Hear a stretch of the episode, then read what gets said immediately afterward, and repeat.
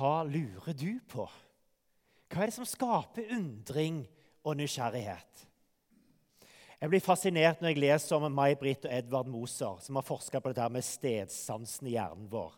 Og så sier de sånn Det er jo fordi vi undrer oss at vi forsker. Det er liksom en sånn lite spørsmål som dukker opp, og så setter det i gang noe. Og så får vi lyst til å prøve å finne ut av det. Nysgjerrigheten, undringen, er en utrolig sterk drivkraft til å finne ut av nye ting. For det er jo både nysgjerrighet, men det er jo det som utfordrer oss, som, som får oss til å snu på ting. Og så har det òg den helt annen side, at vi ikke bryr oss om ting. Likegyldigheten ligger jo òg der også, som en motsetning til undring og nysgjerrighet. Og jeg har undra meg litt på Bibelen siden sist. Jeg undrer meg på når forteller du en liten guttunge at Josef ikke er faren hans? Hvor gammel skal han være? Og hvordan reagerte Jesus når han fikk vite at Josef ikke var den biologiske faren? Jeg lurer på om Jesus var sur og sint noen ganger. Og så lurer jeg på når Josef, Josef dør. For Det er tydelig at Josef er ute av bildet når vi møter Jesus litt senere. Så i min fantasi så er Jesus ca. 17 år når, når Josef dør. Og så tenker jeg, hvordan er det for Jesus å stå der maktesløs? Enten det var sykdom eller det var ulykke som gjorde at Josef døde. For han må jo ha dødd ikke altfor gammel. Og så står Jesus der maktesløs. Han som senere skulle helbrede folk og reise folk opp fra de døde, står der maktesløs i møte med sorgen over å miste Josef. Og så tenker jeg, Hva konsekvenser fikk det for Jesus? 17 år med ansvar for x antall mindre søsken. Vi vet om tre brødre. La oss gjette at det er tre søstre. Så det vil si at Jesus plutselig får forsørgeransvar for Maria og seks yngre søsken. Litt av et ansvar å skulle bære. Og så lurer jeg på hvorfor er Jesus så treig. Altså 30 år. Du var steingammel i år null, eller må på den tida, når du var 30 år. Når de begynte å jobbe når de var 13-14 år, så hadde du jobba i 16 år når du kom til du var 30 år.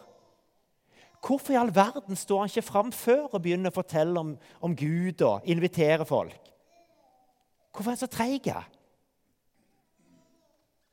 Og så er det tydelig at Jesus vegrer seg for å gå inn i en offentlig rolle. Til slutt så er det Maria som må sparke han litt uti det. Og så sier tida er kommet, Jesus. Tida er kommet, det nå. Nei, nei, nei, ikke ennå, ikke ennå. ikke ennå. Hvorfor, hvorfor vil han ikke må ut i det der offentlige rommet?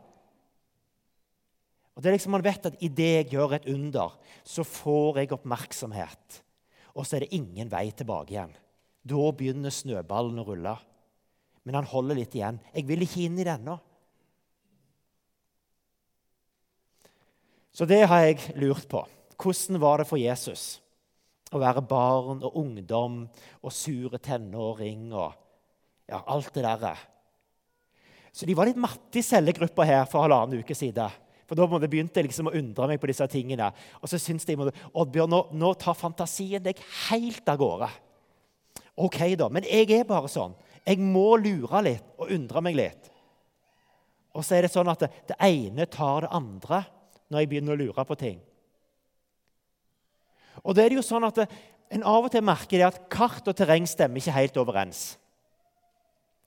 Og det er sånn med de store spørsmålene i livet og når vi undrer oss på var det rett det som foreldrene fortalte oss, at vi begir oss ut på vandring. Vi stiller så store spørsmål med det som har vært og vi går en vei. Og Det som er utfordringen med den vandringen, er at den kan egentlig ta oss hvor som helst. Sist gang så avslutta vi med å tenke med undring som drivkraft og Jesus som orienteringspunkt. Og vi brukte dette bildet fra lysgloben. Samme hvor jeg er i verden, og samme hvor jeg er i livet, hvor jeg er på, på denne kloden, med mine spørsmål og min undring, så tenker jeg liksom sånn at det, på samme måte som vi orienterer kartet når vi holder på med orientering, som med kompasset, så orienterer vi kartet mot nord. Og jeg tenker at jeg prøver hele veien å orientere livskartet mitt og se på en måte alt det jeg undrer meg på, i møte med Jesus som orienteringspunkt. Og så er det sånn at det, det løser ikke alle tingene. Kart og terreng stemmer ikke nødvendigvis overens, men jeg har et orienteringspunkt. Og det syns jeg hjelper meg også til å finne en del av veien videre. For når vi virkelig tviler, når vi virkelig stiller spørsmålstegn med kristen tro Har du tenkt på hva som er grunnene til det, årsakene til det? Jeg ser for min del i hvert fall, at det handler mye om at omstendighetene får stor oppmerksomhet. Det som skjer rundt meg, av ups and downs. Andres synspunkter og spørsmål. Jeg begynner å lure på om det som står i Bibelen, virkelig er sant å stole på. Så sånn sett blir Bibelen en viktig greie, og kanskje mitt bilde av Gud. Tvilen har som oftest årsak i et eller annet som skjer rundt oss. Og så tenker jeg at ofte så får jeg likevel et orienteringspunkt når jeg ser på Jesus, og tar det som utgangspunkt. Men det betyr ikke at allting er løst. For disse brillene mine hvis jeg ser på det på en måte som min overbevisning, mitt verdensbilde Disse brillene mine blir skitne. Og de farges av det må jeg virkelig stille spørsmålstegn med. For her er det på et vis mine skuffelser over meg sjøl og over andre. Her kommer måtte, litt sånn tåke når jeg virkelig må kjenne tungsinnet tar meg og har en dårlig dag. Da klarer jeg ikke å se klart. Sånn var det på Jesus' i tid òg. Selv om Jesus var der, og Jesus var orienteringspunkt, så var ikke ting løst. De diskuterte fortsatt om sykdom var en straff for noe du hadde gjort. De sa det om du er rik, så er du velsigna av Gud. De sa det at jødene det er Guds favoritter. Israels folk de er Guds favoritter framfor alle folkeslag. Og De diskuterte livet etter døden. Skal vi tro på at det er et liv, eller er det ikke et liv? Og Så sto de på hver sin side, der den ene trodde ja, det fins et liv etter døden. Og så sto de andre jødene på andre sida og latterliggjorde de første. Bare tenk det. At du har vært gift med tre koner. Sant? Blitt enkel og skilt. Hvem skulle du da være gift med i himmelen? Og så lo de av det. Sant vel? Det blir jo latterlig. Kan ikke tro på et liv etter døden. Det er ferdig her og nå. Alle de der spørsmålene hadde de òg på Jesus' i tid. Og det går Jesus inn i. Og Sånn er det òg med våre ting. Ting blir ikke nødvendigvis løst. Jeg kan fortsatt lure på om jeg er god nok, om jeg er kristen nok, om jeg ber nok. Jeg kan fortsatt lure på hvorfor skjer det så mye vondt i verden. Og så slår alle disse tingene inn i mitt eget bilde. og Av og til så er brillene sånn at de er helt umulige å se gjennom. Hvordan skal vi da komme videre? Jesus kom inn i vår verden for å være et orienteringspunkt. Men han kom òg inn i vår verden for å vise at han står på vår side. Og Det er det vi er litt inne i dagens tekst. La oss ta den på nytt igjen. Siden vi har en stor øverste prest som har gått gjennom himlene, Jesus Guds sønn, så la oss holde fast ved bekjennelsen. Bare stopp litt der. Det handler jo om at Jesus er Gud. Og Det skal vi ta litt mer om neste søndag. I dag så har jeg lyst til å stoppe ved den andre delen. Og Der står det For vi har ikke en øverste prest som ikke kan lide med oss i vår svakhet, men en som er prøvet i alt på samme måte som vi, men uten synd. Jeg hadde en sånn rar opplevelse. En av de måtene jeg ber på for tida, det er å lese en Jesus-tekst, og så prøver jeg å fantasere meg inn i den teksten. Hvordan var det? Hvordan var menneskene? Hvordan var det å møte Jesus? Uh, og Jeg har hatt to opplevelser nå med samme teksten. der jeg, setter meg litt sånn i fugleperspektiv og skulle se på, det som skjedde. Uh, Men Jesus er ute av bildet. Samme hvor mye jeg prøvde å fantasere og se for meg Jesus som møter denne personen i Bibelen. Han andre personen, De andre så jeg godt. Jeg så for meg mot plassen. Men Jesus så jeg ikke. Og så tenkte jeg hva i all verden er det som er galt? Jeg, jeg, altså, jeg ser ikke Jesus i bildet. Jeg klarer på ikke projisere et bilde der jeg, jeg ser Jesus i fortellingen. Og Til slutt så sa jeg OK, hva skal dette bety? da? Er dette et tegn på noe? Sleikte jeg bare ut i lufta. Og så hørte jeg en stemme. Du ser meg ikke fordi jeg står på sida av deg. Og jeg ser på samme bilde som deg. Jesus kom inn i vår verden, og han stiller seg på et vis sammen med oss før brillene våre. Og så vil han være med og se på verden med våre briller. Med våre spørsmål, med våre undringer, med det vi lurer på og det vi utfordres av, så står Jesus der sammen med oss, og så ser han på det. Og Det som er så fantastisk med Jesus, det er at det, er ikke bare det som er der ute, og det andre tenker og andre mener, men Jesus blir med i samtalen på det som rører seg på innsida. Av de tingene må det langt der inne som jeg kjenner på så blir Jesus med i samtalen på alt dette som jeg undrer meg over og lurer på. Jeg tror første skrittet til å bli litt kjent med den Jesus som ser med våre briller, det er å se for seg Jesus som vanlig menneske. Og Jeg har måttet leke litt med to veier på den. Den ene den handler om å se for meg det som jeg stilte spørsmål i starten. Hvordan var Jesus som barn og ungdom? og hadde han noen tenåringsnykker og var misunte på de andre som ble kjæreste, gifta seg og fikk unge. Altså, alt det der er vanlig. Hvor var han henne? Sorg. Hvor var Jesus i alt det, det der som vi opplever? Og så har jeg tenkt meg, Hvordan opplevde Jesus? Hva tenkte han? Hva følte han? Den andre sida har vært litt det der med Tenk at Jesus har vært der jeg er nå. Han har kjent på noen av de følelsene som jeg har. Hvordan var det for Jesus Eller hva tenker jeg må at Jesus forstår hvordan jeg hadde det som tenåring eller som ung voksen? Og så kan jeg måtte, ok, Jesus han ble bare 33, men jeg kan dra det opp til 50 òg. Kanskje til og med opp til 100.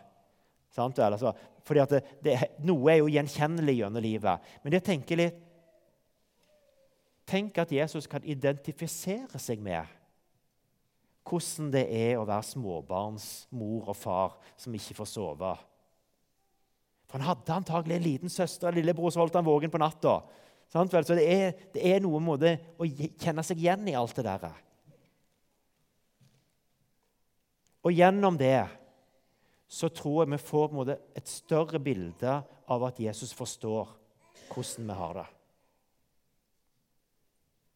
Ta neste bilde.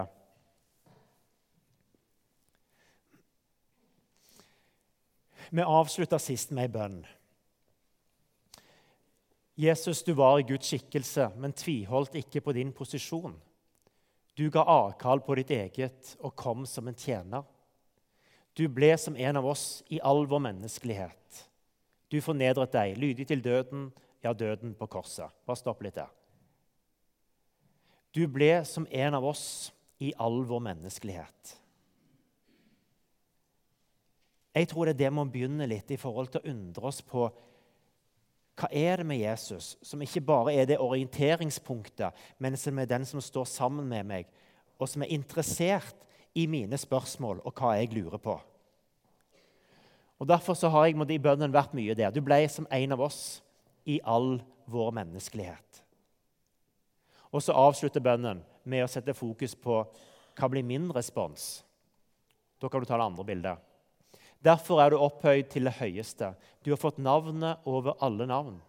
Og Derfor bøyer jeg meg for deg og bekjenner at du er Herre til Gud Faders ære, og ber om nåde til å følge deg ydmykt og trofast.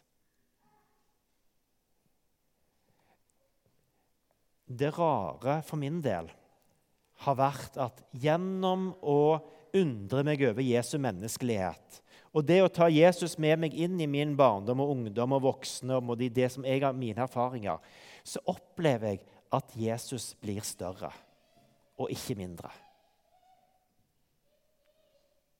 Bare tenk på Emmaus-vandrerne. To av Jesu disipler som har opplevd han døde på korset. Og så har de hørt rykter om at det har stått opp, men de tror ikke på det, så de er på vei hjemover. Fra Jerusalem til Emmaus. Og så kommer en fremmed og går sammen med dem, og de skjønner ikke at det er Jesus. Hvorfor de ikke skjønte det, det har jeg lurt på mye. Det var en film nettopp som lagde et triks med at Jesus forandra ansikt. På en måte få lagde filmtriks ut av det. Sånn at måte skulle leve der. Men jeg skjønner ikke, Hvorfor kjente de han ikke igjen? De hadde jo vært sammen med han. Men det, det, skjønner jeg ikke. Det lurer jeg fortsatt på. Så det skal jeg finne ut av. Eller kanskje en gang. Kanskje jeg aldri finner ut av det. Men det som fascinerer meg, det er Jesus som går sammen med dem, og så spør han, hva tenker dere på? Hva er dere snakker så ivrige om?